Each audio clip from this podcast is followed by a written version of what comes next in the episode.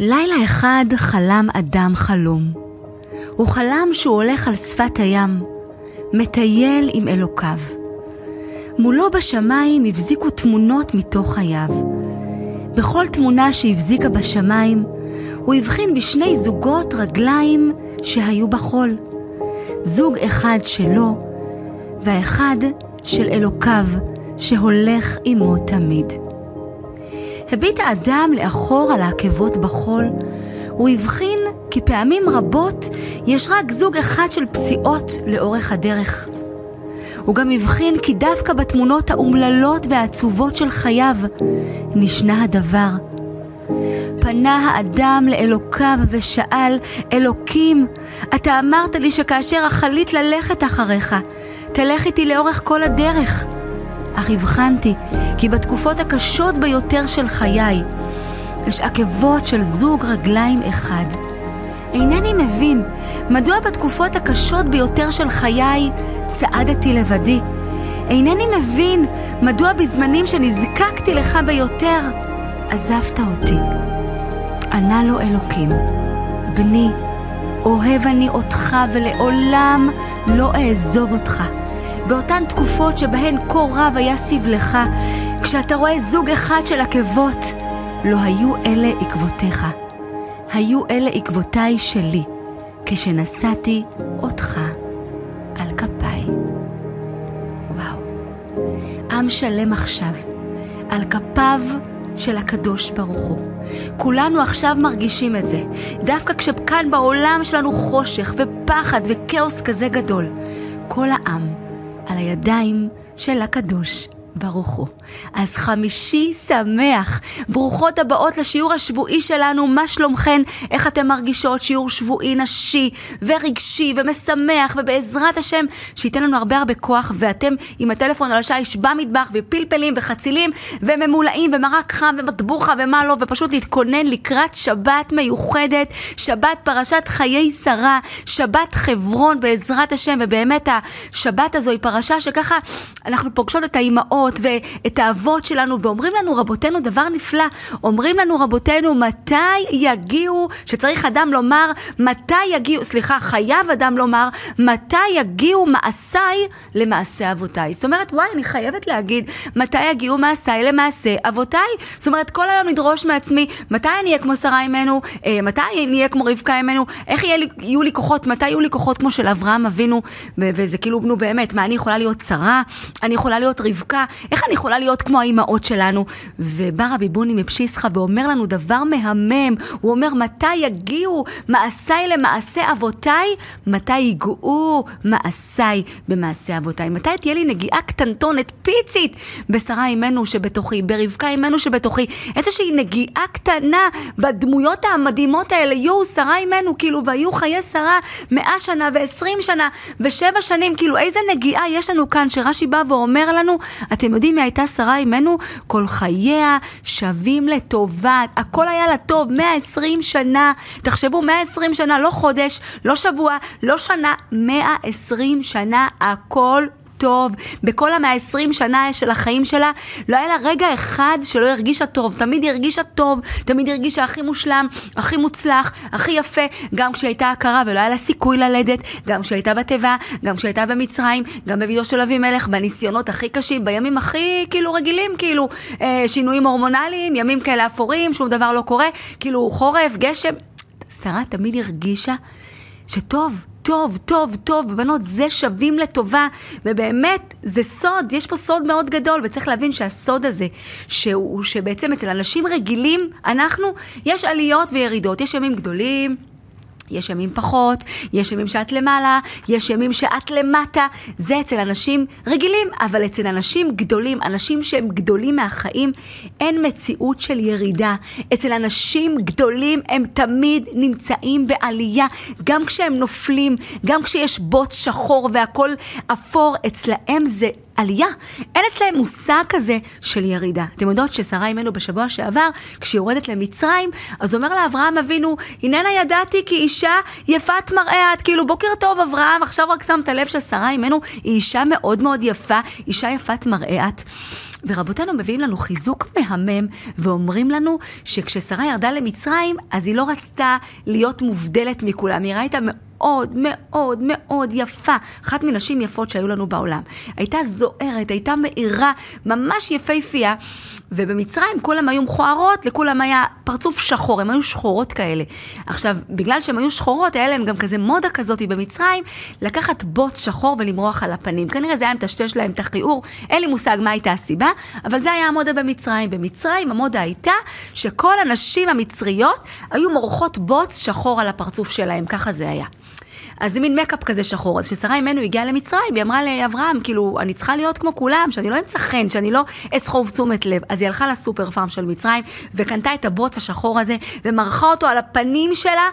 ואז מתוך השחור, תקשיבו מה אומרים לנו רבותינו, מתוך השחור, האור שלה כזה, האור שלה כזה האיר, היופי שלה כזה בלט, שאברהם אבינו אמר לה, ידעתי כי אישה יפת מראה את. מתוך השחור שלך, מתוך המקום השחור הזה, את כל כך זוהרת ואת כל כך יפה, וזה עם ישראל שהוא מסתכל עלינו, הקדוש ברוך הוא עכשיו מלמעלה, ואומר, הננה ידעתי כי עם כזה יפה, יפי מראה אתם, אתם כאלה יפים. מיוחדים, אתם כאלה מיוחדים מתוך השחור הזה שנמרח עליכם עכשיו, שהחיילים שלנו עם שחור על הפנים ויוצאים להילחם, ואנחנו כולנו בתוך כזה בלגן ולא יודעים מה יהיה ואיך יהיה, והשבויים, והלחימה הזו וכל המצב הזה, מצב שהוא כביכול נראה שחור.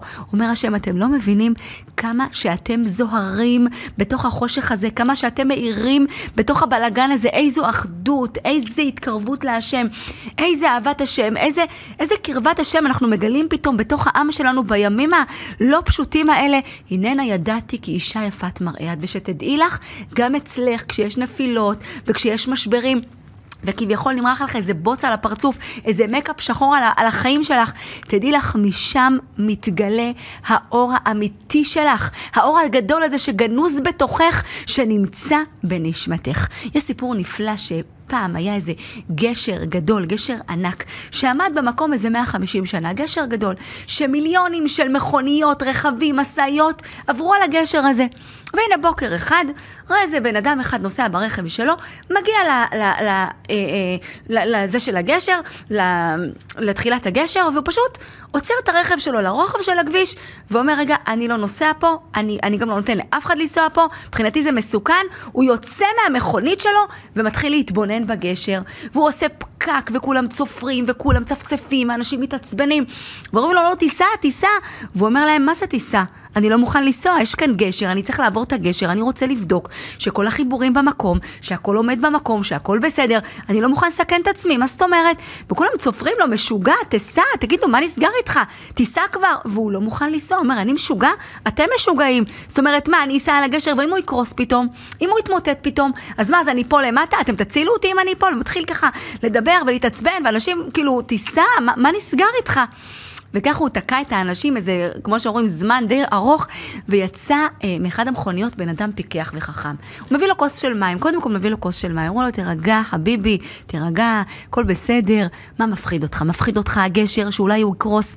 תראה, אתה צודק, אני מבין אותך. אבל בוא אני אסביר לך משהו. הגשר הזה לא עומד כאן יום אחד או יומיים. זה גשר שנמצא כאן כבר 150 שנה. מיליונים, מיליארדים של מכוניות ומשאיות ואוטובוסים עוברים כאן. לאף אחד לא קרה כלום. אז דווקא לך זה יקרה. אתה צודק, אני מאוד מבין אותך. אם, זה, אם אתמול היו בונים את הגשר, אם שבוע שעבר היו בונים את הגשר, אני מבין אותך. זה מפחיד, גם אני הייתי מפחד, כי זה גבוה, ומתחת יש נהר, ואוניות, ובלגה. אתה צודק, אבל זה גשר שבנוי כבר אלפי שנים. 150 שנה, אלפי אנשים עברו כאן, אז תיסע, אין לך מה לפחד. אצלך בדווקא זה לא יקרוס. ו- ו- ובאמת, זה הרגיע אותו, והוא פשוט הניע את המכונית שלו ונסע. את, ה- את הסיפור הזה, את המשל הזה, בעצם היה מספר האבא של רבי אברהם מרדכי מלאך. והוא מביא את זה בתור משל, ואומר שבאמת, באמת, הגשר הבטוח של עם ישראל, הגשר הזה שאנחנו כולנו עוברים בו, ובבטחה, זה הביטחון בהשם. לא משנה כמה בלגן יש, וכמה מפחיד, וכמה פחד יש בעולם, וכמה, כאילו, מה יהיה ואיך, את חייבת להבין שהאבות... האבות והאימהות שלנו בנו לנו גשר. גשר, כבר אלפי שנים עומד הגשר הזה, וכל מי שעבר בגשר הזה, הגשר של הביטחון ושל האמונה, שעובר את הכל, כל מי שעבר את הגשר הזה, הרגיש את הביטחון ואת האמונה הזאת, ועבר את החיים ב- ב- בצורה הטובה ביותר. ואפילו האנשים שהגיעו לרגעים האחרונים בחיים שלהם ולא רצו לעלות על הגשר הזה, ברגעים האחרונים שלהם אמרו שמע ישראל, השם אלוקינו, השם אחד, ועלו על הגשר הזה, בנות, מי שיעלה על הגשר הזה, מי שידבק בקדוש ברוך הוא, לא יקרה לו שום דבר. אני לא מפסיקה לקבל טלפונים ווואטסאפים והודעות במייל, ואני רוצה להגיד לכם שאני עכשיו משתפת אתכן בהודעות שלכן. הרבנית, אני לא יודעת מה לעשות, אין לי חשק יותר לחיות, באמת, אין לי חשק. קשה לי, אגיד לך את האמת, כאילו, אם, אם, כאילו, אני מגדלת ילדים, אני מטפלת בהם, אני מחנכת אותם, אני... מה אני לא עושה? אם פתאום הכל ייגמר לי ברגע, הנה ראינו איך משפחה אחת, כאילו באה באמא, ילדים, הכל טוב, הכל שמח, קמו בבוקר, אה, לא יודעת מה, ופתאום נשחטו כולם, כאילו אם אני יכולה להישחט פתאום, אם יכול לקרות משהו פתאום, פתאום הכל, הכל יכול להיחרב, הכל יכול להיעלם, אז למה להשקיע בחיים? למה להיקשר למשהו בחיים האלה בכלל? למה? עזבי אותי, כאילו אין לי חשק, אני מרגישה את החוסר אונים הזה בכל גופי, שאין לי חשק לא לקנות, לא לחיות, לא לצאת לעבוד, כלום, שום דבר, ואני שומעת את זה בלי סוף, את המקום השחור הזה שהמצב הזה הביא אותנו. אז קודם כל, אתן צודקות. אתן צודקות בפחד, אתן צודקות בחרדה, אבל לא בחשיבה שכאילו למה ולמה, מפני שאני רוצה באמת ככה שנלמד ביחד את הרב וולבה, איך אנחנו חייבות להמשיך קדימה, איך אנחנו יכולות לחיות באמת חיים של רוגע וביטחון. יש כאן מצב, יש כאן מצב, איך אני צובעת את המצב הזה, באיזה צבע זה תלוי בי. עצב זה אותיות צבע. את עצובה, את מדוכדכת כי את צובעת את המצב בצבע לא נכון. אנחנו חייבות להבין שעם כל מה שקרה כאן, הייתה כאן השגחה פרטית מדויקת. היה, היו כאן ניסים מדהימים, ובואו נשמע את המילים של הרב וולבה, שבעזרת השם ייתנו לנו כוח, סליחה, נפלא מאוד. לעבור את הימים הלא פשוטים האלה. אומר הרב וולבה בצורה נפלאה, הוא אומר כך: האדם, לפני שמרגיש בהשגחה פרטית, הוא בגדר של טעיתי כשה עובד, כך אומר. זאת אומרת, הוא אינו מוצא את מקומו בעולם, אינו בטוח בעצמו ובעתידו. ומסופק בתפקידו בחיים, ויתר כל הספקות ואי הביטחון בעצמו. זאת אומרת, כל, יש לו ספקות. אפילו בעצמו הוא לא בוטח. זאת אומרת, בא הרב וולבה ואומר, אדם לפני שמרגיש בהשגחה פרטית, הוא לא אומר לפני שיודע שיש השגחה פרטית, גם את שכתבתי את ההודעות האלה, וכל מי שכתבה לי, וכל מי שמרגישה הכי דיקי בעולם, יודעת שיש השגחה פרטית. הרב וולבה אומר, זה לא מספיק לדעת שיש השגחה פרטית, אלא אדם שלא מרגיש שיש השגחה פרטית, הוא בבחינה של טעיתי כשה עובד, כמו השה הזה שבעצם יצא מהעדר, הלך לאיבוד, עכשיו חושך, הוא נמצא באמצע שום מקום, הוא שומע את היללות של החיות הטורפות, הוא בודד, הוא עצוב, הוא אבוד, הוא מפחד, הוא מת לראות את, ה, את הרועה שלו, את העדר שלו, הוא טעיתי כשה עובד. זאת אומרת, אדם, כשהוא לא מרגיש שיש לו השגחה פרטית, הוא לא מרגיש שהוא חי בהשגחה פרטית, זה אדם שבעצם... אבוד ואין לו ביטחון לא בעצמו, לא בעבודה שלו, לא מסופק, מסופק בתפקידו, כאילו מה התפקיד שלי בעולם, מה אני צריך לעשות בעולם, אין לו כתפיים רחבות. החיים שלו חיים אבודים. אוקיי, והוא לא מוצא את עצמו. ואומר הרב וולבה, אבל, וזה מאוד עמוק ויפה מאוד, זו תורה נפלאה, אבל כשאדם מתחיל להרגיש שיש השגחה פרטית, הוא מתחיל לדעת, יש השגחה פרטית, זה מרגיע, כי הנה הרועה, יש כאן רועה, הקדוש ברוך הוא זה הרועה שלי, הרועה הנאמן שלי. אממה, מה קורה?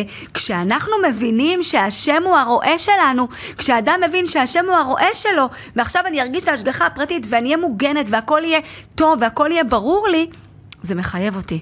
כאילו זה מחייב, כאילו לדעת שיש השם, להרגיש את זה ולהתמסר להשגחה הפרטית הזו, באיזשהו מקום זה מחייב אותי, כאילו עכשיו הקדוש ברוך הוא יבוא לי גם בדרישות, שמרי שבת, תניחי תפילין, אל תדאגי, נשים לא צריכות להניח תפילין, אין יודעת מה, תתחילי לתקן את עצמך, תרימי את עצמך, תתחילי להשתנות, תש... כאילו, אנשים מפחדים להתחייב לבורא. לקדוש ברוך הוא, לדבר היפה הזה מפחדים, כאילו יש כאן רועה, אבל הרועה הזה יש גם מקל, כאילו אימא'לה, המקל הזה, לאן הוא יפנה אותי? תלכי לפה, תלכי לשם, אולי הוא יכה אותי. אוקיי, וצריך להבין שזה מה שקרה במצרים. בנות במצרים, עם ישראל היו בבחינה של טעיתי כשה עובד. עם שלם נמצאים במצרים בבחינה של טעיתי כשה עובד, המצרים מכים בהם, שוחטים אותם, מעבידים אותם, רוצחים להם את הילדים. היה שם איום ונורא, איום ונורא במצרים, טעיתי כשה עובד. ואז מגיע משה רבנו, ראיה מהמנה, הרועה הנאמן, הנה, באתי, לסד... אני שליח של הקדוש ברוך הוא, יאללה, אנחנו הולכים להיגאל. צריך להבין שכולם הבינו וידעו שבאמת, משה זה אמת, משה אמת ותורתו אמת. אבל רובם, זאת אומרת 95 אחוזים מעם ישראל, פחדו מההתחייבות הזאת. משה, תודה, אנחנו מבינים, אתה רוצה לגאול אותנו, אבל אנחנו לא רוצים להתחייב. כאילו מה, נצא מכאן, נצא ממצרים, תגאל אותנו, ואז מה? יגידו לנו לשמור שבת, יגידו לנו להניח תפילין, יגידו לנו להשתנות, לשנות, לא. לא רוצים, אנחנו מעדיפים להישאר בתאיתי כזה עובד, בשעבוד של מצרים, בחושך הזה, הוא מוכר לנו בלי להתחייב בשום דבר. בנות, רק חמישית יצאו ממצרים. רק חמישית, כל השאר מתו במכת חושך, כי הם העדיפו להישאר בחושך. יש פה אור, בואו קחו... לא, הם מעדיפים להישאר במכת חושך, העיקר לא לצאת לגאולה, בנות, זה חזק הדבר הזה. אז בואו נראה עכשיו מה קורה. מי שיצא ממצרים בעצם, זה היו רק חמישית. חמישית יוצאים ממצרים. הם יוצאים ממצרים, וכתוב כך, באבות דרבי נתן, דבר נפלא, כתוב בשעה שעמדו אבותינו על הים. זאת אומרת, הם יצאו ממצרים, הם כבר אמרו, בסדר, זה הרועה, אנחנו מקבלים אותו עם המקל, עם, עם, עם מה שהוא רוצה ודורש מאיתנו, הכל בסדר. וזה תהליך, הם מבינים שזה תהליך, ותראו איך הקדוש ברוך הוא, מלך העולם, כל כך מבין שהם בתהליך, כי אצל השם אל תפחדי. השם לא נותן לך מכות ואומר לך, עכשיו תשתני, עכשיו תשני, עכשיו תשמרי שבת, עכשיו תלכי פה, עכשיו... לא, הקדוש ברוך הוא יודע אותך. הקדוש ברוך הוא רוצה רק שתבואי. יש לו את כל הזמן שבעולם בשבילך, הוא כל כך אוהב אותך. עכשיו שימי לב, הם עומדים על הים, המצרים מאחור. ועכשיו נדרשת מהם התמסרות מאוד מאוד גדולה מעם ישראל. שימו לב, בא משה רבנו ומכה על הים ואומר להם, קומו ועברו, יאללה, תעברו את הים. מסתכלים עליו עם ישראל, מבוהלים, מתים מפחד ואומרים לו, לא נעבור עד שנראה את הים נקבים נקבים. טוב, משה רבנו הטוב הזה, לוקח את המקל, מכה את הים, והים נהיה נקבים נקבים. אומר להם, יאללה, קומו עברו. אמרו לו, לא, לא נעבור עד שהים יהיה בקעה. אומר משה, אין בעיה, לוקח את המקל, מכה, הים נהיה בקעה. נו תעברו, לא נעבור. בקיצור, לא רצו לעבור. עשרה ניסים הקדוש ברוך הוא עשה לישראל על הים. עשרה ניסים, שינה להם את הים עשר פעמים. למה? לא יכלו לעבור מההתחלה. לא יכלו לעבור מלכתחילה, תעברו, כאילו, מה עם ישראל רצו? מה הם רצו? רצו להתפלק על משה רבנו? לא. היה בהם פחד. אני רוצה שתביני איזה פחד היה להם. היה להם פחד כשמשה רבנו אמר להם קומו ועברו. הם פחדו מהמפגש האינטימי והקרוב הזה עם הקדוש ברוך הוא. הם ידעו שעכשיו הולך להיות להם נס כזה גדול, ויהיה להם מפגש עם הרועה האמיתי, עם הקדוש ברוך הוא, ועם ההתחייבות הזו. והם ידעו שבתוך הים הם יזכו לדרגה כזאת גבוהה, ראתה שפחה על הים, מה שלא ראה יחזקאל בן בוזי, איזה דבר, הם ידעו שזה הולך להיות גילוי מדהים, והם פחדו מזה. הם נורא פחדו מזה. אמרו, אימא'לה, לראות את השם, להרגיש את השם, זה, זה להתחייב לו, זה להתמסר אליו, זה מפחיד אותנו כל כך. אבל ברגע שהם נכנסו לים, והם ראו את הקדוש ברוך הוא, והשמיים נפתחו, והם הרימו את האצבע ואמרו, זה אלי וענווהו. וואו, איזו שמחה עניק ענקית נתנו ידידים זמירות, שירות ותשבחות, תהילות לקהל עליון בשמחה. השמחה שלהם הייתה כזאת גדול, גדולה, כי כשרואים את השם, כשמרגישים את השם, כשמתמסרים לקדוש ברוך הוא, אין פחד, אין כלום, יש רק השם וזהו, וכבר לא אכפת לך מה הוא מבקש ממך, כי את מבינה שהכל זה ברחמים. הקדוש ברוך הוא נוטה למשה להכות על הים ולהפוך להם את הים עוד פעם, ועוד נס ועוד נס, כי השם מבין אותם. בסדר, נשמה, את רוצה ככה? יאללה. יאללה, עוד סנטימטר, נשמה. שבת, יאללה, שעה שבת. יאללה, נשמה, עוד מה, בסדר, יאללה, בואי, רק בואי. את יודעת מה? עוד קצת, תניח תפילין, ועוד... הקדוש ברוך הוא בסבלנות ובאהבת אין קץ, אהבת עולם אהבתנו. בנות, כשאני מגיעה למילים האלה בתפילה, אני לא יכולה להמשיך, אני מתחילה את, את ברכת אהבת עולם. אהבת עולם אהבתנו, אהבת עולם אהבתנו. עד שאני מרגישה את זה ברמ"ח איבריי, אני ממשיכה, בנות. השם יתברך אוהב אותנו. בנות, הרב וולבה אומר, שימו לב, אדם שלא יצא מתוך שלטון גופו ויצריו, הוא כולו פחד. כשאת רוצה להתחבר לעולם הזה, לעשות מה שאני רוצה, ללא להתחייב, זה המקור של הפחד. שם נמצא הפחד, במקום שאין רוחניות. אין רוחניות, שם יש פחד, רוגע ושמחה. זה שאת יודעת שאת מושגחת, ש... ואת מרגישה את זה, ואת מוכנה להתמסר לזה, ולהתחייב לאבא הזה, לאבא הזה, למה שהוא רוצה ממני, לרועה הזה עם המקל, אני מוכנה, מוכנה להתחייב לדבר היפה והמהמם הזה. ואני לא סתם פתחתי בחלום הנפלא של האיש הזה שהולך על שפת הים, מטייל, ורואה שבתקופות הכי קשות הקדוש ברוך הוא מחזיק אותו על הידיים שלו, את מבינה? השם יתברך מחזיק אותך על הידיים שלך. כל רגע לא עוזב אותך לרגע, נשמה, אל תהיי בבחינה של טעיתי כזה עובד, אל תהיי, בקש עבדיך, בקש עבדיך, ריבונו של עולם, אני רוצה אותך, אני אוהבת אותך, ואני רוצה עכשיו ביחד איתכם, שפשוט נשיר, אנחנו נשים מוזיקה, ומה השם רוצה? השם רוצה שאת תרקדי לו, ותרקדי לו עם תנועות, אני לא יכולה, אני בשידור, אני לא יכולה, אני לא אשיר, אתם תשירו, בעזרת השם, ואתם תעשו את זה חבל על הזמן, עם הרבה הרבה שמח בבית, כפיים בבית, וכשצריך להרים עיניים למעלה אז תרימי לו. וכשצריך למחוא כפיים תמחי, וכשצריך למחוא, לרקוד תרקדי, ותדעי לך שכל כפיים שלך זה פגזים לעזה, ממש ככה. אז יאללה, בואו נתחיל. בואו ניתן קצת מוזיקה, קצת שמח, יופי. שום דבר, רק אתה, רק אתה, רק אתה, רק אתה, רק אתה, רק אתה, מוזיקה שמח, יאללה, בואו, בואו, כפיים, כפיים בבית, כפיים. כל כפיים זה פגזים לעזה, יאללה. אנחנו לא טועות, לא מתבלבלות, לא כזה עובד, מלאות בהשגחה פרטית, כפיים. אני לא שרה, אתם שרות, כפיים.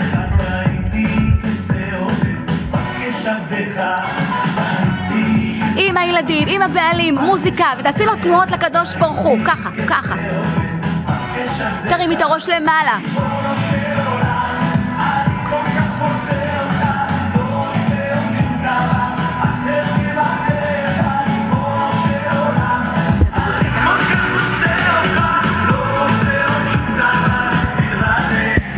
השם, רק השם. כל כפיים פגזים לניס נסראללה. כפיים, כפיים. שמח, שמח. איזה יופי, איזה יופי. השם רוצה שתרקדי לו בתנועות, עם הפלפלים, עם המטבוחה, עם השניצלים, עם המחבת. יאללה, עם המחבת. כפיים.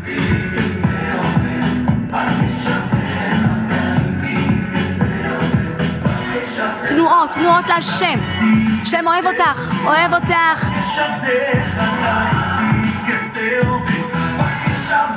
ראש למעלה.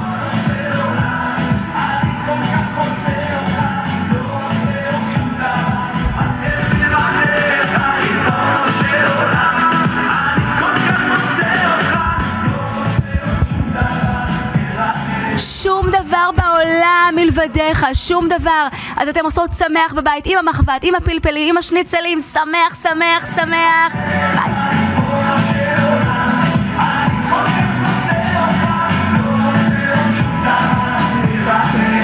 כל כפיים פגזים לעזה, פגזים לנסראללה, כפיים, כפיים.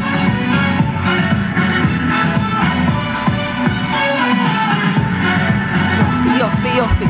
מהממות, אז כל פעם שאתן מרגישות קצת מצב רוח לא טוב, קצת קשה, קצת מבולבל, שימו לכם מוזיקה, תעשו לכם שמח, אתם ראיתם אני עם הבוקסה מסתובבת, משמחת את כל עם ישראל, אני הולכת ככה עם בכל מיני בתי מלון, אני רואה את כל הנשים היהודיות שלנו שנמצאות בבית מלון והן אומרות לי חגית שירה, אני רוצה רק להכין שבת, זה מה שאני רוצה, לשים את המושטים על הגז, אני רוצה לקצוץ את הכוסברה, אני רוצה להכניס לתנור, אני רוצה, לה... אז אני באה אליהם עם הפרשת חלב, והפרשת חלב היא כל כך, כל כך מיוחדת וכל כך נשק, נשק רב עוצמה לנצח בכל המלחמות שלנו. אז אני חייבת לעצור כאן ולומר שבאמת באמת עכשיו אנחנו במיזם אדיר מאוד וגדול בהידברות. חייגו למספר שמופיע על המסך ותזמינו לכן ערב הפרשת חלה לחיזוק, לשמחה. זה נשק שהוא רב עוצמה, נשק שבאמת באמת מביא ישועות. אז את הכוח הגדול הזה לנצח את הכל אנחנו קיבלנו בירושה, ירושה. ירושה ממי? בואו נראה ממי יש לנו ירושה ענקית. אז יש סיפור כזה אה, מיוחד על אנשים שטיפסו על האברסט. אתם יודעות, האברסט זה ההר הכי גבוה בעולם, הם טיפסו על ההר הזה, והם עולים ומטפסים, וזה לוקח מלא מלא זמן וחודשים, וכולם התייאשו, חוץ מאחד, אחד לא מתייאש, מטפס ומטפס ומטפס, ואחרי כמה חודשים טובים הוא מגיע, כובש את האברסט, כמו שאומרים, כובש את ההר, מגיע להר, יושב שם וכולו מתנשף כזה, כאילו הוא הגיע לפסגת חייו, ואז פתאום הוא רואה ילד קטן מטייל שם. אז הוא אומר לו, ילד, מה אתה עושה כאן? איך טיפסת לכאן? איך אתה הגעת לפה? מתי? מתי טיפסת? לא ראיתי אותך. אמר לו הילד הזה, אני לא טיפסתי, אני לא צריך לטפס. אני נולדתי כאן, נולדתי בהר הזה. וצריך להבין שהאבות והאימהות שלנו, שזה שרה ורבקה ורחל ולאה, הם בעצם כבשו את האברסט, הם טיפסו, הם נלחמו, הם מסרו את הנפש. מה הם לעשו בשביל עם ישראל כדי שאנחנו ניוולד על ההר? את מבינה? את נולדת על ההר, את נולדת במקום טוב, את נולדת מוגנת, שמורה, עם כאלה כוחות. הם עברו את הניסיונות בשבילנו, הם התאמצו בשבילנו, ולנו לא נשאר אלא רק לחפור בתוכנו ולגלות את הכוחות, את, את, את אברהם, את יצחק, את יעקב. יש בנו את כל הכוחות של האבות והאימהות שלנו, רק להוציא החוצה את כל הדבר הנפלא הזה. יש לך כוח לחייך, יש לך כוח לראות את הכל טוב, יש לך כוח להאמין, יש לך כוח להתפלל. חגית שירה לא מסוגלת להתפלל, לא מסוגלת להחזיק סידור, לא מסוגלת להרים את העיניים לשמיים, קשה לי, אני לא יכולה. את חייבת להבין שבאמת, באמת, יש בך כל כך הרבה כוחות ואין מתוק מזה. אין מתוק, בואו נתמסר לאבא שבשמיים. הוא רוצה שנשתנה, אין ספק, הוא רוצה שנתקדם קדימה, ש, ש, שבאמת נטפס, ו... אבל הוא אומר לנו, בנים שלי, יש בכם כוחות, יש לכם את הכל. אני רק רוצה שאתם עכשיו, קדימה, קדימה, תחפשו את הכוחות שיש בכם. אז בואו תראו מה זה... מה זה אהבת השם? יש איזה פצוע אחד מהלחימה אה, בשמחת תורה, ש, שהוא מספר שהם היו ארבעה מול 12 מחבלים. זה היה באיזשהו מקום שם, והמלחמה הייתה מאוד מאוד קשה, ובאיזשהו שלב הוא סיפר שהוא חטף כדור בגב, והייתה שם, הוא אמר, אנדרטה לידו, והוא אומר שעל האנדרטה היה כתוב, לא הטנק ינצח, כי אם האל, ככה היה כתוב על האנדרטה, והוא הסתכל על המילים האלה של האנדרטה, וזה נתן לו מלא מלא מלא כוח.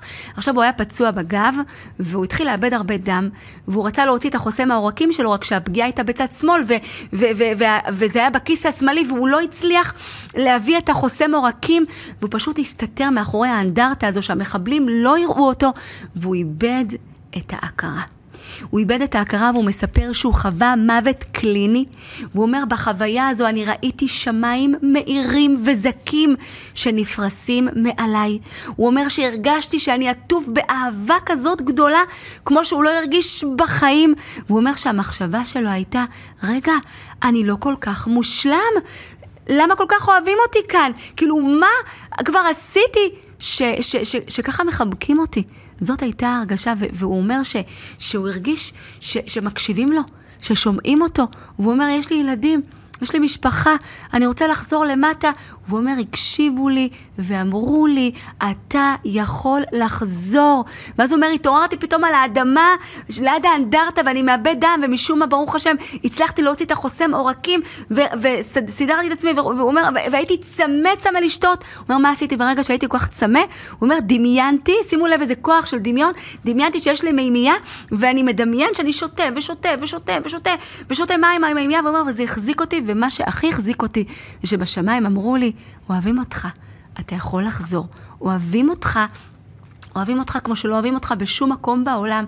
ו, וברוך השם, הוא ניצל.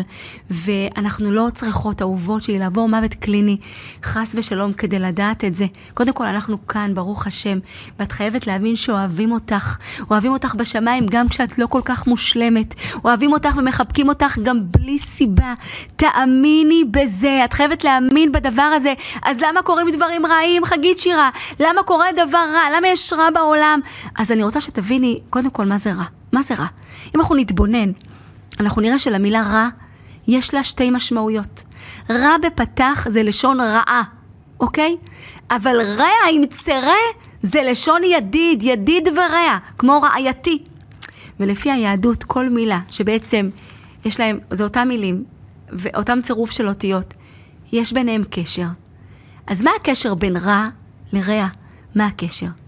וצריך להבין שרע פירושו קטע.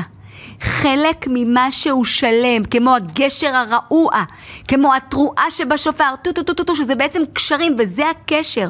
כשבן אדם מרגיש שרע לו, זה בגלל שהוא לא שלם. אין שלמות.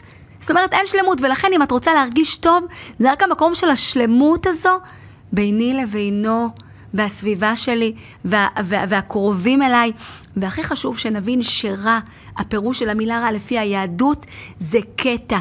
קטע, חלק מפאזל. צריך להבין שבאמת העולם הזה, הנצח הזה הוא פאזל. הוא פאזל ענק, וכמו שפאזל יש בו כל מיני חלקים, יש חלקים בהירים, חלקים צבעוניים, חלקים אדומים, חלקים ורודים, חלקים ירוקים, אבל יש גם חלקים שחורים. כשאת מסתכלת על החלק השחור, את אומרת, מה זה החלק השחור הזה? איפה הולך לתקוע את החלק השחור הזה? אבל בלעדיו אין פאזל. ולכן, וצריך להבין שכאן, בעולם הזה, מתוך כל הנצח, מה שאנחנו עוברים עכשיו, זה קטע קטן, קטן, קטן, כל כך קטן, בפאזל הענק הנצחי הזה. והוא זה שמשלים לנו את הכל. את מבינה? וצריך להבין שכל דבר יעבור. גם כשמאוד מאוד שחור, זה יעבור, זה רק קטע קטן בתוך החיים שלנו. והרבי מקוצק אומר, נפלא, בתהילים כתוב, היטיבו נגן בתרועה.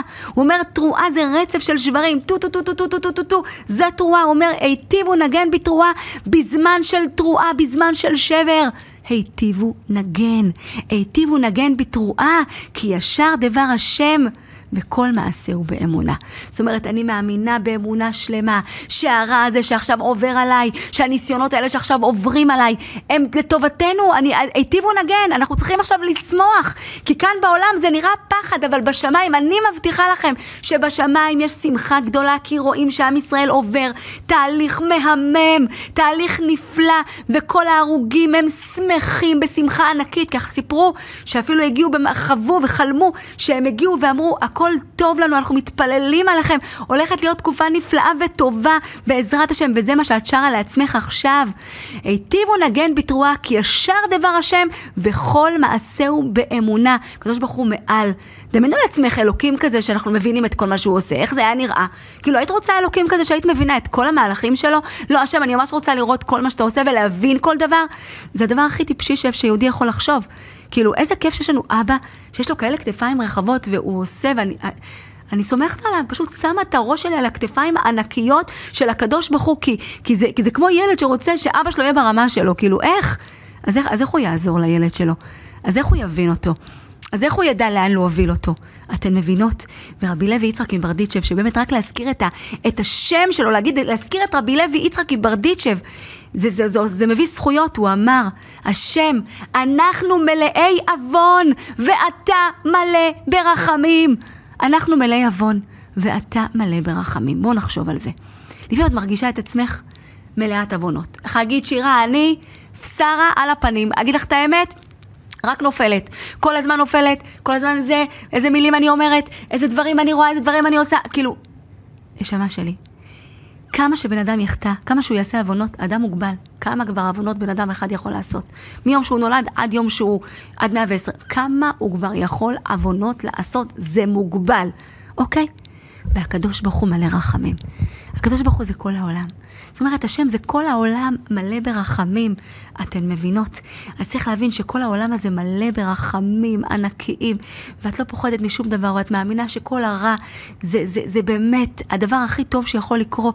יש איזה משל יפה על איזה אחד שישב על המרפסת בבית שלו. יושב על המרפסת ושותה קפה.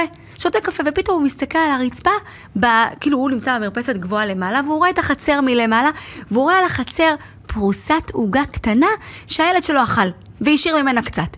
ואז הוא רואה ציפור, מה זה יפה.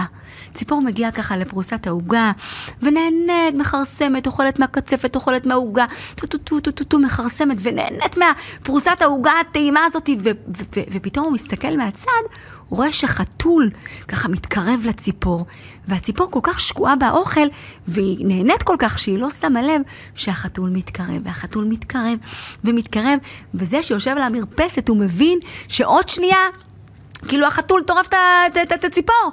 אז כאילו הוא אמר בוא נראה מה יקרה, אבל מצד שני הוא ריחם על הציפור, ואז באינסטינקט הוא נתן פאק, כאפה כזאת ככה, ו...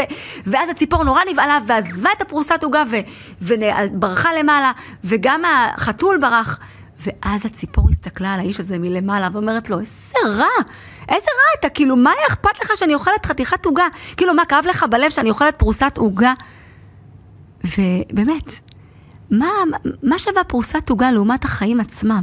כאילו, ככה צריך לחשוב. צריך להבין שהקדוש ברוך הוא עכשיו נתן לנו מין כאפה כזאתי, ומי יודע ממה הוא הציל אותנו, ואיזה טוב הוא עשה איתנו, ואיזה דברים נפלאים וטובים הוא, הוא יצר לנו והביא לנו לעולם שלנו בתקופה הזאתי. חייבים להבין שהכל זה טוב, ואין רע שיורד מלמעלה, וכל רע זה חלק מפאזל וזה יעבור.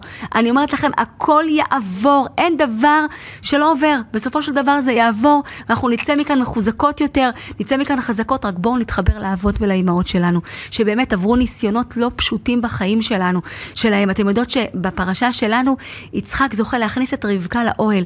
השרה אימנו מסתלקת, היא הולכת לבית עולמה. שרה אימנו זכותה תגן עלינו. ואז כתוב, ויביאה יצחק האוהלה, שרה אימו ויאהביה. רבי שמעון בזוהר אומר, מה זה אוהלה? למה לא האוהל? למה הוא לא הביא אותה לאוהל? מה זה אוהלה? הוא אומר, אוהלה זו אוהל נוספת, כי השם היה שם. השם היה בתוך האוהל הזה. אתן מבינות? שרה אימנו ידעה להכניס את השם לכל מקום, לכל סיטואציה בחיים שלה, גם כשהיא יודעת שהבן שלה נעקד על גבי המזבח, ובא רש"י ואומר שבעקבות העקדה שרה נפטרה. אז איך יכול להיות ששרה נפטרת בעקבות העקדה? היא עשתה כזה מעשה גדול. איך יכול להיות שאנשים הולכים להציל אנשים והם נהרגים? איך יכול להיות שבן אדם הולך לעשות מצווה וקורה לו דבר רע? כאילו, איך יכול לקרות דבר כזה? איך יכול להיות? צריך להבין ששרה, ש, שבעצם אברהם אבינו, כשהוא בא לספוד לשרה, כתוב, ויבוא אברהם לספוד לשרה ולבכותה, עקב קטנטונת, למה? כי הבכי שלו היה בכי מלא באמונה. מלא, הוא לא בכה עליה יותר מדי, הוא הבין שהגיע זמנה למות. והשם אוהב את שרה אימנו, נתן לשרה אימנו מתנה. כי בא השטן ובלבל את כולם. כן, תראו, תראו מה קורה בעקבות העקדה, תראו מה קורה למי שעושה מצוות, זה לא נכון. אברהם יודע שהגיע זמנה של שרה אימנו להיפטר מן העולם. זה היה הזמן של הנקודה, וזהו. זה מה שהיה צריך להיות. והקדוש ברוך הוא עשה איתה כזה דבר גדול. מה עשה איתה הקדוש ברוך הוא? בעצם כששרה אימנו אתם יודעות שיצחק היה הבן הכי יקר לה. כמה היא אהבה את יצחק אבינו, איזה אהבה. היא, היא, היא קיבלה אותו בגיל 90, בגיל 90, וכשאברהם מגיע ואומר לה, שרה, אני לוקח את אברהם, את, את יצחק, לעקוד אותו על גבי המזבח, וסליחה, ללמוד תורה בישיבה, והיא כל כך, כל כך נלחצת, והיא מכינה לו ספדר וכובע, ואומרת לו, תשמור עליו, ואל תריב איתו, ואל תתווכח איתו, ושיהיה לו חם ושיאכל טוב. בנות, עובר זמן. והשטן מגיע לשרה. הוא מתחפש בדמות לאיש זקן, בדמות איש זקן. הוא בא אליו ואומר לה, שרה, איפה יצחק? לאן אברהם לקח את יצחק? אז היא אומרת לו ללמוד בישיבה. הוא אומר לה, תגידי, מה, את רצינית? את באמת מאמינה לו? לא. הוא הלך, הוא הולך, הוא לקח אותו כדי לעקוד אותו על גבי המזבח. אמר לשרה, כי חמודך יצחק גדל ולא למד עבודת שחק. זה מה שאברהם סיפר לך, זה מה שהוא סיפר לך, אבל זה לא נכון, הוא הולך לשחוט אותו. זה לא נכון, ושרה מתבלבלת ונבהלת ויוצאת לרחובות ומחפשת אותם ורואה אנשים ושואלת אותם, תגידו, אתם ראיתם איש זקן עם אלם צעיר? אתם ראיתם איש זקן עם נער צעיר? וכולם אומרים, לא, לא, לא, לא ראינו, אנחנו לא יודעים, לא ראינו. ואז היא רואה אה, איש מאוד גדול, ענק. זה היה השטן שהתחפש לענק. והאיש הענק הזה מסתכל מלמעלה על שרה, ושרה מרימה אליו את העיניים ואומרת לו, תגיד, אולי אתה ראית איש זקן עם נער צעיר? הוא אומר לה, כן, בטח, אני רואה איש זקן שקושר נער צעיר על גבי מזבח, ויש לו סכין ביד, והוא הולך לשחוט אותו, ושרה כל כך נבהלת. מה היא עושה בזמן הזה? היא מבינה. היא מבינה פתאום את הכל.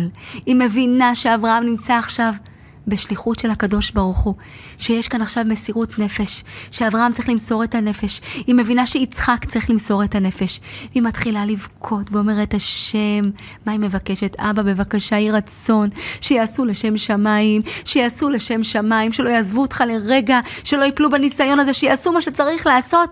זה הבקשה של שרה אימנו, זה הבקשה של שרה. אתן מבינות?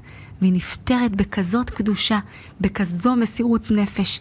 צריך להבין שכולנו עכשיו צריכים לבקש את הדבר הזה לשם שמיים, שנזכה כולנו, כולנו לעבור את התקופה הזו לשם שמיים, להתפלל על החיילים שלנו, לבקש עליהם. הם יוצאים למסור את הנפש בשבילנו, ושהקדוש ברוך הוא יחזיר אותם לשלום בעזרת השם. אבל צריך להבין שכל העבודה שלנו עכשיו, שרה מלמדת אותנו, היא עבודת השם בלבד. וכשאברהם אבינו חוזר ובוכה על שרה אימנו, הוא אומר, רגע, היצר רע רצה לקחת לי את זה. הוא רוצה לקחת לי את המצווה הזו, את העקדה הוא רצה לקחת לי. הוא רוצה שאני אחזור הביתה ואני אגיד שבגלל העקדה שרה נפטרה, במקום שאני אקבל שכר על העקדה, אני חוזר הביתה ואני צריך להתאבל על אשתי, ויצחק מתייתם מאימא שלו. הוא אומר, לא, זה יצר הרע. לא, לא, זה מה שהיה צריך להיות. וזה שאברהם אבינו חושב ככה בצורה נכונה, ולא שואל שאלות על הקדוש ברוך הוא, ומבין שרע זה רק בעיניים הבשרניות שלנו, זה הצלופן עם עשרת מתנות שקושר את כל העקדה. כל עקדת יצחק עולה לשמיים עם צלופן וסרט מתנות של שרה אימנו ושל אברהם אבינו שלא נופלים. כשהשטן בא לבלבל אותם, כמה הוא מנסה לבלבל אותנו, תראו מה קורה, תראו איזה בלאגן. לא נכון. הכל טוב, להתחבר לקדוש ברוך הוא ולא להתבלבל. אנחנו לא מתבלבלים, לא מתבלבלים ולא מפחדים. עכשיו שימי לב, מספרים על הסבא מנוברטוק, זכותו תגן עלינו, שפעם אחת הוא יצא החוצה ל- ליער, והוא ראה שם בקתה. היו שם איזה כמה אנשים שהיו חוטבי עצים, וכשהם חטבו את העצים הם בנו לעצמם בקתה, ואחרי שהם סיימו הם השאירו את הבקתה. אז הסבא מנוברטוק, מה זה שמח על הבקתה? איזה כמה כמו מציאה, כאילו איזה בקתה יפה וטובה. הוא שם שם ספרים, ושם שם דברי לימוד שלו, וסטנדר, וכיסא, ושולחן. כל הזמן היה הולך לשם לבקתה והיה מתבודד, היה מתבודד, היה לומד. אגב, זה נורא טוב להתבודד, זה נורא טוב לדבר עם הקדוש ברוך הוא. מספרים על משה רבנו, שהיה באמת, מה נתן לו את הכוח לנצח את הכל. הרי הוא היה צריך להוציא את כל עם ישראל ממצרים, והיה צריך באמת לעזור לעם הזה לצאת, לא פשוט לנהל את כל התהליך הזה מול פרעה. והוא היה בניסיונות לא פשוטים. אברבנאל כותב שלמשה רבנו היה בית, בית מחוץ למצרים, בית כזה קטן. כותב שמדי פעם משה רבנו היה יוצא לבית הזה, מתבודד, סוגר את הדלת, מדבר עם השם, מתרפק, מתפרק, מבקש, מקבל כוח וממשיך. זאת אומרת, כל אחת מאיתנו עכשיו עוברת תהליך. המלחמה הזו היא מלחמה כללית, אבל גם תהליך שכל אחת מאיתנו עוברת. כל אחת מאיתנו עוברת עכשיו תהליך לא פשוט. תהליך אישי, בבית, הילדים, המשפחה, כל אחת עוברת את זה בצורה אחרת. מה ייתן לך כוח לנצח? מה ייתן לך כוח לעבור את זה בעזרת השם? זה ש, שתיכנסי לחדר מדי פעם, סגרי את הדלת, את הדלת ושבי עם הקדוש ברוך הוא, דברי איתו, תעשי ריסט כזה, ככה את והוא, ויחד, ובאמת, אהבת השם, חיבור, אולי הלכתי לאיבוד קצת, אולי אני עוד פעם נהייתי טעיתי כעובד, לחזור שוב, בקש עבדיך, ריבונו של עולם, אני רוצה אותך, לא רוצה כלום מבלעדיך, ו- ואת מדברת איתו ושרה לו, והמקום הזה נותן המון המון המון כוחות לכל אחת לעבור את הימים האלה. אגב, רק לסגור דלת ושקט, זה כבר מאפס אותנו. אז כמובן שכשנכנסים ומדברים עם השם, זה תרופה לכל דבר. גם אם את לא יודעת מה לדבר עם השם, כנסי, תגידי, השם, עכשיו זה רק אני ואתה פה. רק אני ואתה נמצאים בחדר הזה. אוקיי. אז סבא בינו ורדוק מצא את הבקתה הזו ושם שם את כל הציוד שלו, כמו שאומרים, והיה מתפלל שם, עושה חשבון נפש וכולי. לילה אחד, הסבא מנוברדוק ישב ולמד, ולמד ולמד, והיה לו נר. והוא לומד ולומד, וככה עובר עוד דף ועוד דף ולומד, ופתאום באיזשהו שלב הנר קבע. זהו, נגמרה השעה והנר קבע. והסבא מנוברדוק באמונה כמו ילד קטן. ילד קטן יושב בחושך, מלא באמונה. הוא אומר, אני יודע, השם יודע בדיוק מה אני צריך. השם יודע בדיוק מה, מה חסר לי. השם יודע בדיוק למה אני זקוק. השם יודע בדיוק למה אני נצרך עכשיו. אני מחכה בסבלנות. כמו תינוק. אתם יודעים, התכונה, התכונה הזאת, התחושה הזו להרגיש כאילו, וואי, אני בידיים של השם. הוא יודע בדיוק מה אני צריכה. הוא יודע בדיוק מה אני צריכה לקבל עכשיו. הוא יודע בדיוק מה חסר לי עכשיו. מספר הסבא מנוברדוק, נכנע, הדלת נפתחה פתאום. נכנס איש שהסבא לא ראה מיהו. הוא הכניס לשולחן נר ויצא. וסגר את הדלת. הסבא לא ראה אותו, ומה שהיה מיוחד אצל הסבא מנוברדוק בדרך של עבודת השם שלו, שהייתה מאוד מאוד מיוחדת, שהוא אפילו לא בדק מי זה היה. כאילו אולי זה אליהו הנביא, אולי זה אברהם אבינו, אולי זה לא יודעת מי, אולי זה איזה עובר אורח שעבר פה, אולי זה איזה תלמיד שלי ש... לא מעניין אותו בכלל. זה לא עניין אותו מי זה היה. דבר אחד עניין אותו, הייתי צריך משהו? השם שלח לי מה שהייתי צריך. והוא המשיך ללמוד וללמוד עד הבוקר. בבוקר הוא קיבע את הנר והלך לישיבה. הוא לקח את הנר, הלך לישיבה, הראה לתלמידים שלו את הנר הזה, אמר להם, אתם רואים תלמידים שלי, אתם רואים? סיפר להם את הסיפור, ואמר להם, הנר הזה מהיום אני קורא לו נר של ביטחון, נר הביטחון. אני שם את הנר הזה פה, על המדף בישיבה, שכולם יראו אותו. כל פעם שאתם מרגישים שחסר לכם משהו, שקשה לכם במשהו, תזכרו את נר הביטחון, תזכרו שאתם כמו תינוקות בידיים של הקדוש ברוך הוא, הוא יודע מה אתם צריכים, הוא יודע מה חסר לכם, הוא יודע מה בדיוק אתם מבקשים.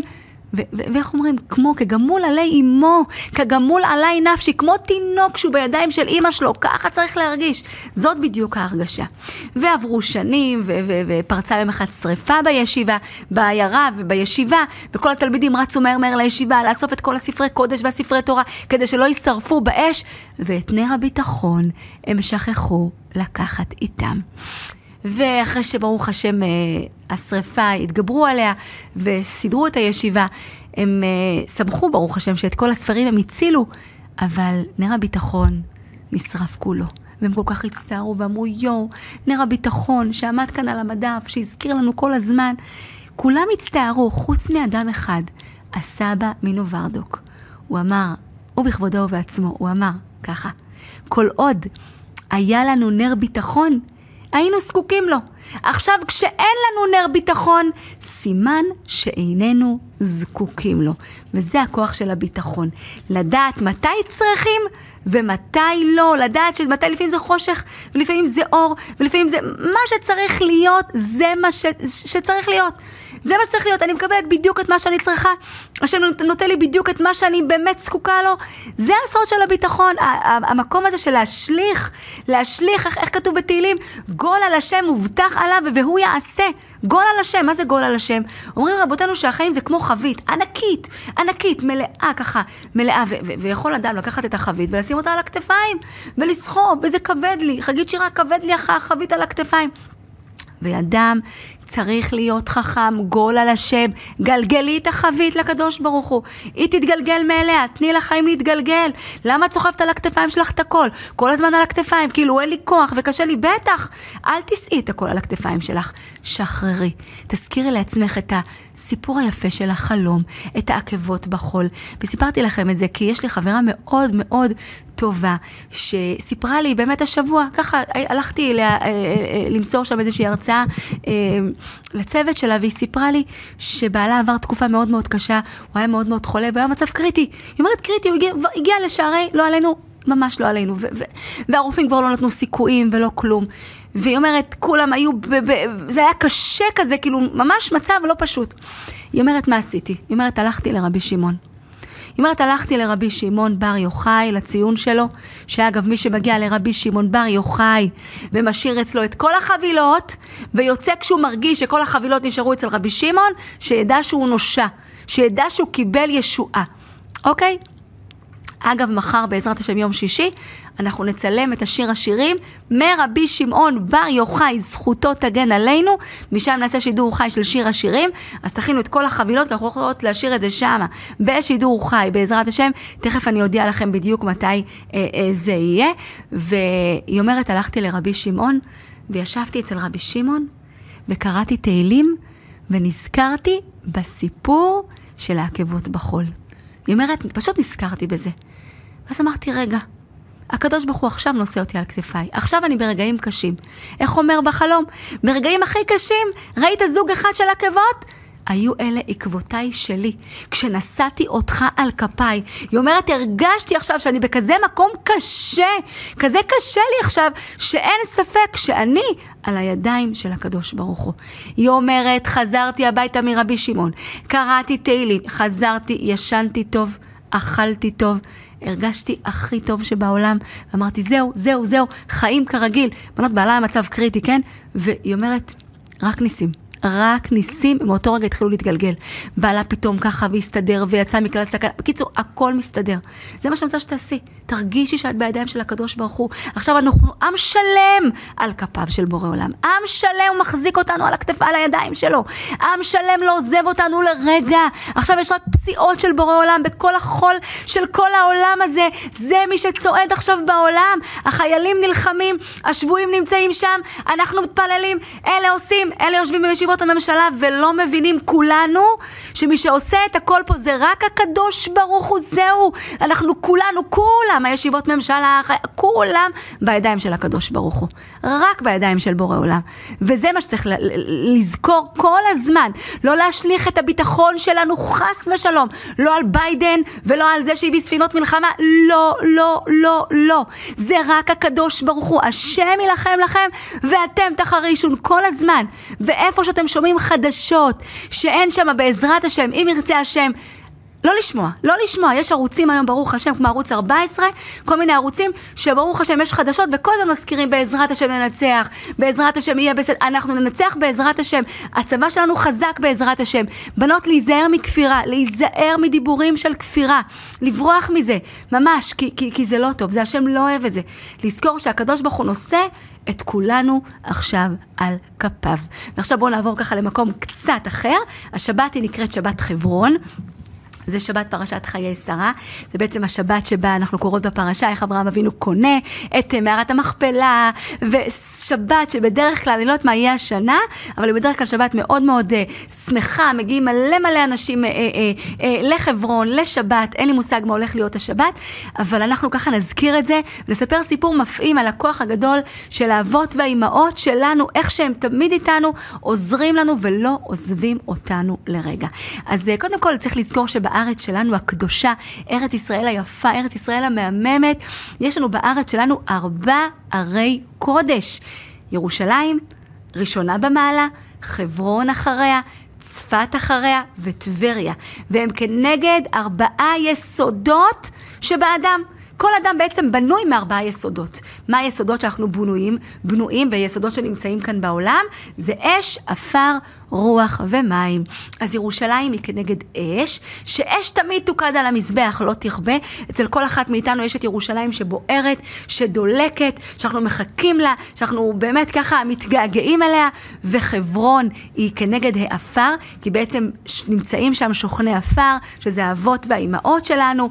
צפת עיר הרוח, וללא ספק היא עיר הרוח, מלאה רוחניות, אני גרה בצפת, ממש מלאה בקברות צדיקים. הוד קדומים, יש בה המון המון תורה ואוויר טוב, ברוך השם, וטבריה זה מים. טבריה בעצם למה מים? כי שם נמצאת בעירה של מרים שהשקטה את עם ישראל במדבר, ויש שם עוד כמה סודות נפלאים ומיוחדים.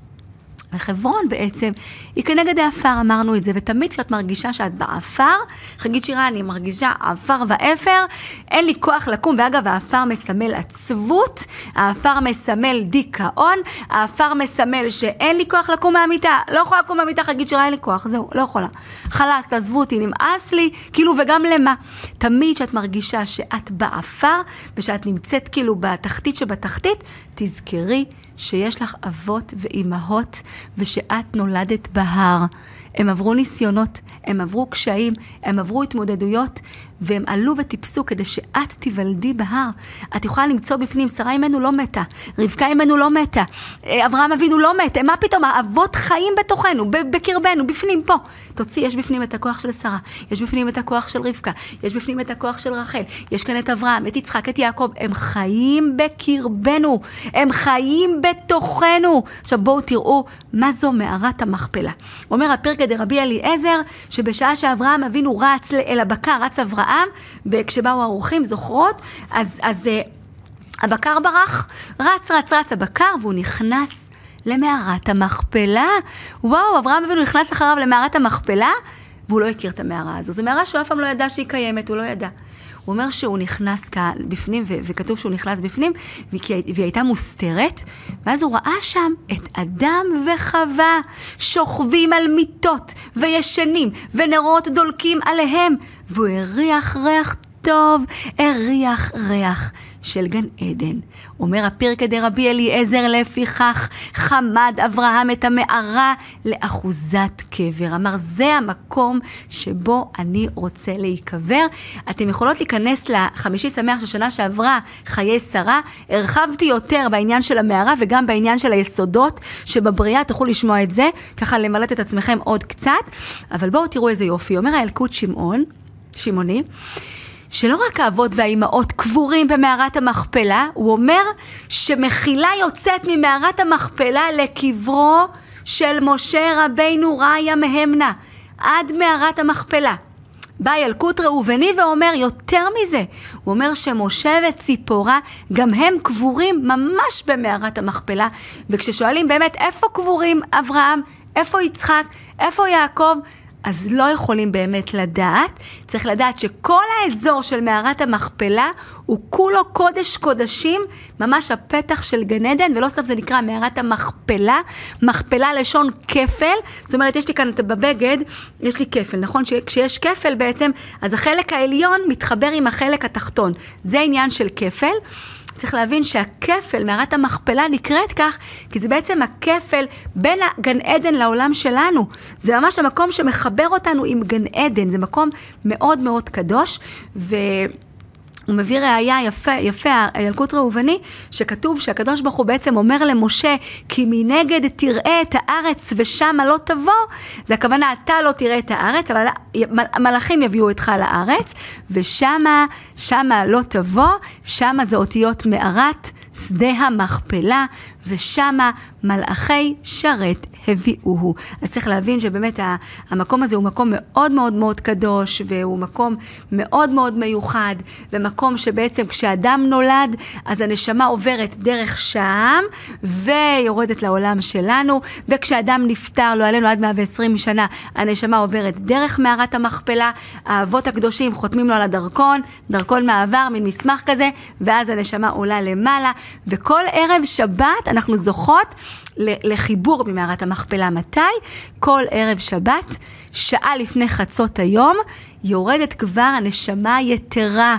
יש נשמה יתרה בשבת, אז טעימה, נגיעה מהנשמה היתרה יורדת בערב שבת חצי שעה לפני, חצ... שעה לפני חצות היום, והיא עוברת דרך מערת המכפלה ישר אלייך. ובערב שבת, שאת מקבלת שבת ואומרת לך דודי, את אומרת שלום עליכם וכזה, אז את מקבלת את, את, את, את כל הנשמה היתרה שלך. תארי לעצמך איזה, איזה חיבור נפלא, ולכן צריך להתחבר לזה יום שישי, זה יום טוב, איך שמגיע חצות היום זה יום טוב, הנשמה היתרה נכנסת, מה זה נשמה יתרה? זה הרחבת הדעת. זה שמחה, זה הבנה, זה אמונה, ולכן לעשות דברים טובים. אנחנו ניפגש מחר בשעה אחת וחצי. להרבה בנות בשעה אחת היה מאוד מוקדם. מחר ניפגש באחת וחצי בדיוק, בעזרת השם יתברך, לאמירת שיר השירים מציונו של רבי שמעון, זכותו תגן עלינו. תכינו שיר השירים, זה יהיה אחרי חצות היום, כבר יש הרחבה, כבר יש שמחה, יש כוח מיוחד, תכף נדבר על המעלה של שיר השירים, אבל לפני כן בואו נשמע סיפור מאוד מאוד יפה. אתם יודעות שהישמעאלים, הרשעים, מחשימם, אה, לאורך כל ההיסטוריה שלנו, תמיד הציקו לנו והראו לנו ועברנו הרבה הרבה דברים קשים. קשים. מה שקורה עכשיו זה לא חדש, כן? זה, זה איך אומרים, זה, זה, זה, זה, זה, היה כאן, זה נמצא. זה תמיד נמצא, וצריך הרבה רחמי שמיים. ולפני הרבה שנים, המקום הזה, מערת המכפלה, הייתה בידיים של ישמעאלים. הם שלטו שם, ואוי ואבוי היה ליהודי שהיה מעז להתקרב למערת המכפלה ולהתפלל. אין דבר כזה, מה פתאום? להתק...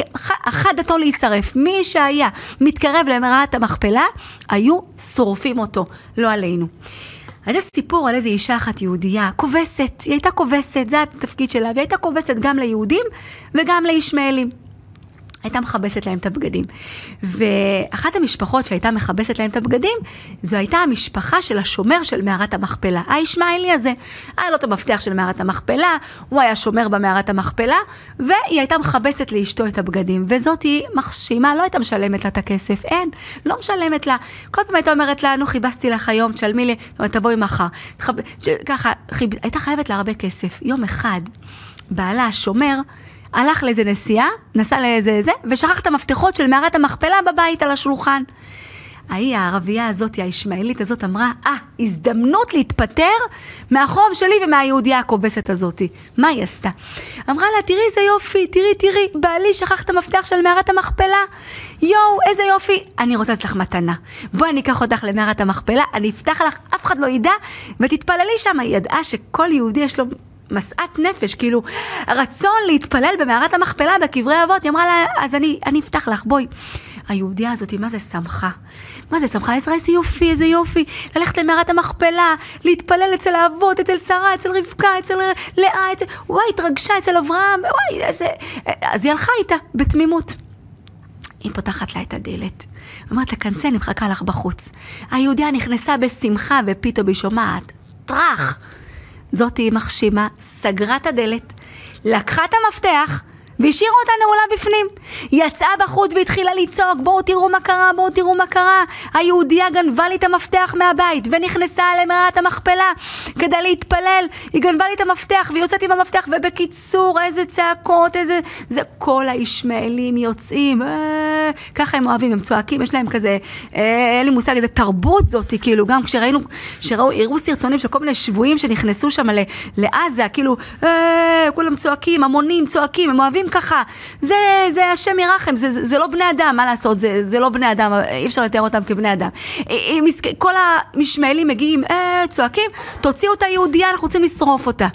עכשיו, מה הם עשו? הם הכינו מדורה כדי לשרוף את האישה היהודייה. זאתי היהודייה כמעט התעלפה. היא הבינה מה רוצים לעשות, היא שומעת את כל ההמון המשולהב. היא ירדה למערת המכפלה בפנים והתחילה לבכות, היא כמעט התעלפה. עכשיו הגיעו כל האנשים, וגם המופתי היה שם. אמר המופתי, רגע, אני אצא להביא את היהודייה, שנשרוף אותה. הוא פותח את הדלת של מערת המכפלה, לא מוצא אותה. מחפש אותה, מחפש אותה, לא מוצא אותה. אין, היא לא נמצאת. אומר, מה זה? איפה היא? יצא בחוץ, אמר לה, לאשת השומר, את בטוחה? היא לא בפנים.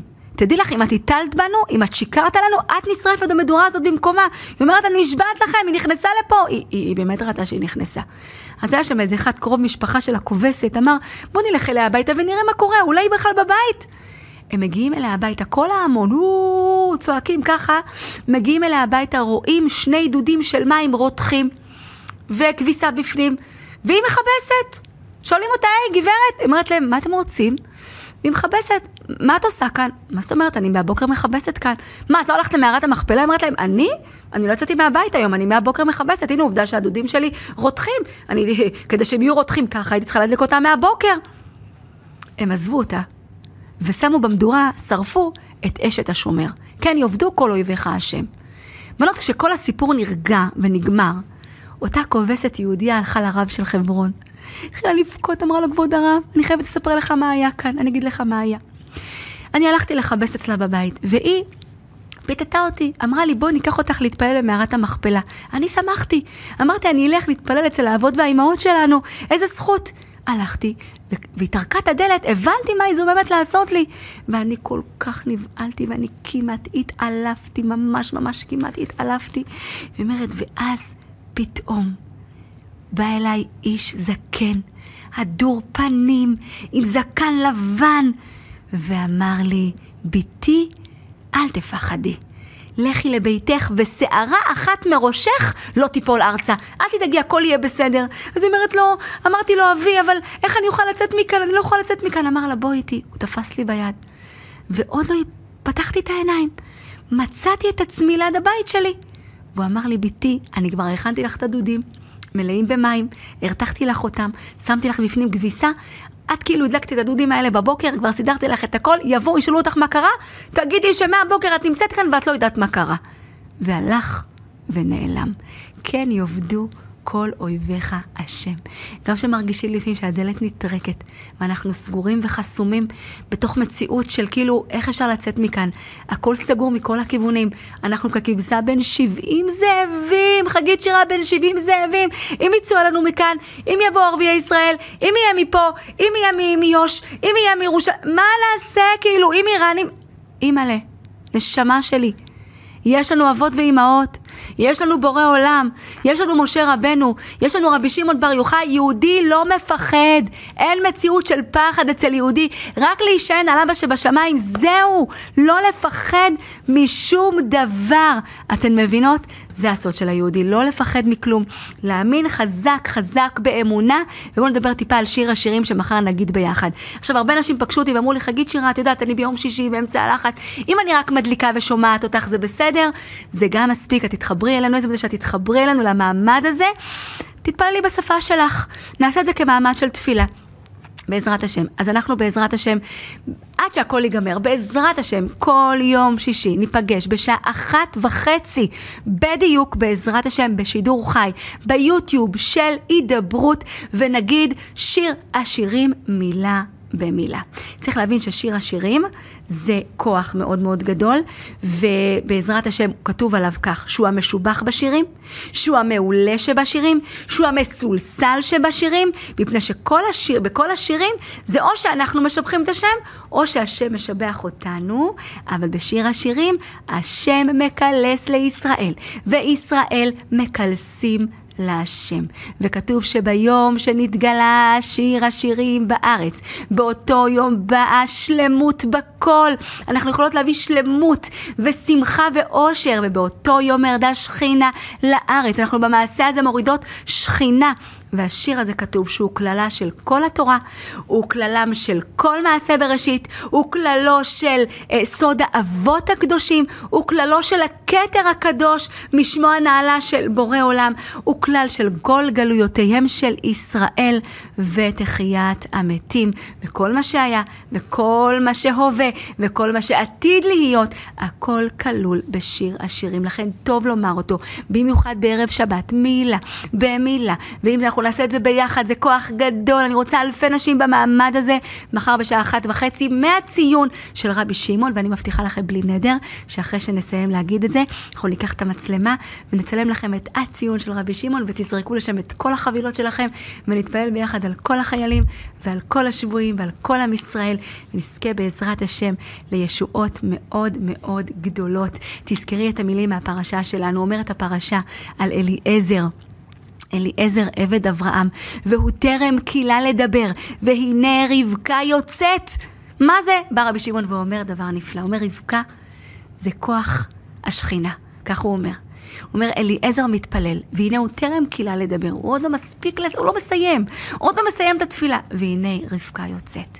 אומר רבי שמעון יהודי כשהוא מתפלל, כשהוא מתפלל מכל הלב להשם, הוא עוד לא מסיים את התפילה שלו. והשכינה באה לקראתו. השכינה יוצאת לקראתך. אז את, כל, כל הזדמנות להתפלל, כל הזדמנות לדבר עם השם, בכלים, בשטיפה, ב, בכל מה שאת עושה, לדבר עם הקדוש ברוך הוא כמה שיותר, להתחבר לאבא שבשמיים ולא להתייאש. צריך להבין שאליעזר, לא סתם קוראים לו אליעזר, אליעזר בגימטריה 318. ייאוש בגימטריה 317. אליעזר הוא האיש הזה שלא מתייאש אף פעם. גם המלחמה הקשה שאברהם אבינו אומר לו לצאת ולהילחם. סך הכל 317 איש, זהו. מה זה 317? 317 בגימטריה זה ייאוש. אליעזר, 318. אומר אליעזר, כשיש ייאוש, אני מעל זה. אני מעל זה, לכן אני מנצח את הכל. לכן אני הולך, מה שמצליח אותי בשליחות שלי, וכל דבר אני... איזה, ולא סתם בא משה רבנו וקורא לבן שלו אליעזר. למה?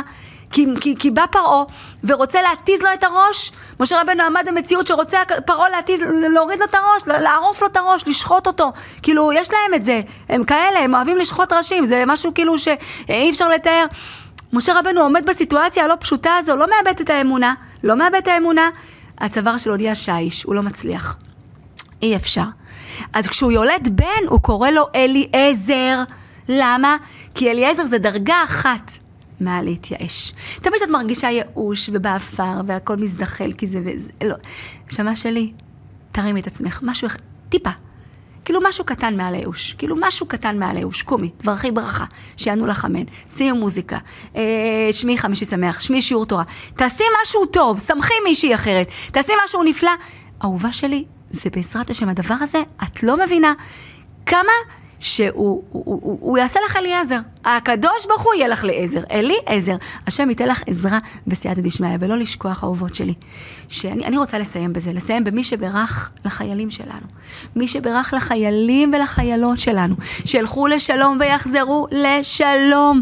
להם שבת, תהיה להם שבת של שלום. מי שברך לשבויים ולשבויות שלנו, האהובים האלה, שיחזרו הביתה בריאים ושלמים, שיהיה להם טוב, שיהיה להם רגוע, שהכל יהיה בסדר. מי שברך לאימהות, שהילדים שלהם בגבולות, האימהות שדואגות וחוששות, מי שברך לכל העם הזה. בנות אהובות שלי, אנחנו יכולים לעשות משהו בשבילהם. אפשר בהחלט לעשות משהו טוב בשבילהם, לחשוב עליהם. ככה הידברות במיזמים נפלאים, יש ככה באנר על המסך, יש לכם מספר טלפון, תרימו טלפון, חייגו, תהיו שותפים בדבר הנפלא הזה, לעשות למען עם ישראל.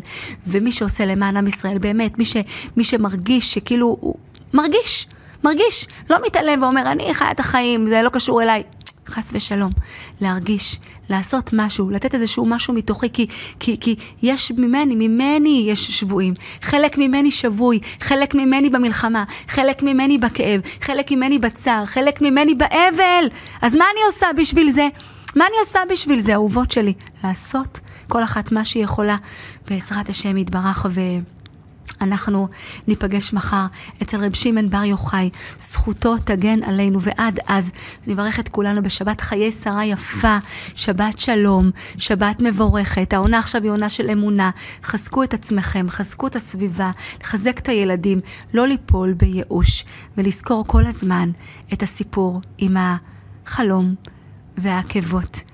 תאמיני בזה שהקדוש ברוך הוא עכשיו נושא אותך. על כפיו. בשורות טובות, כל הישועות, שבת שלום.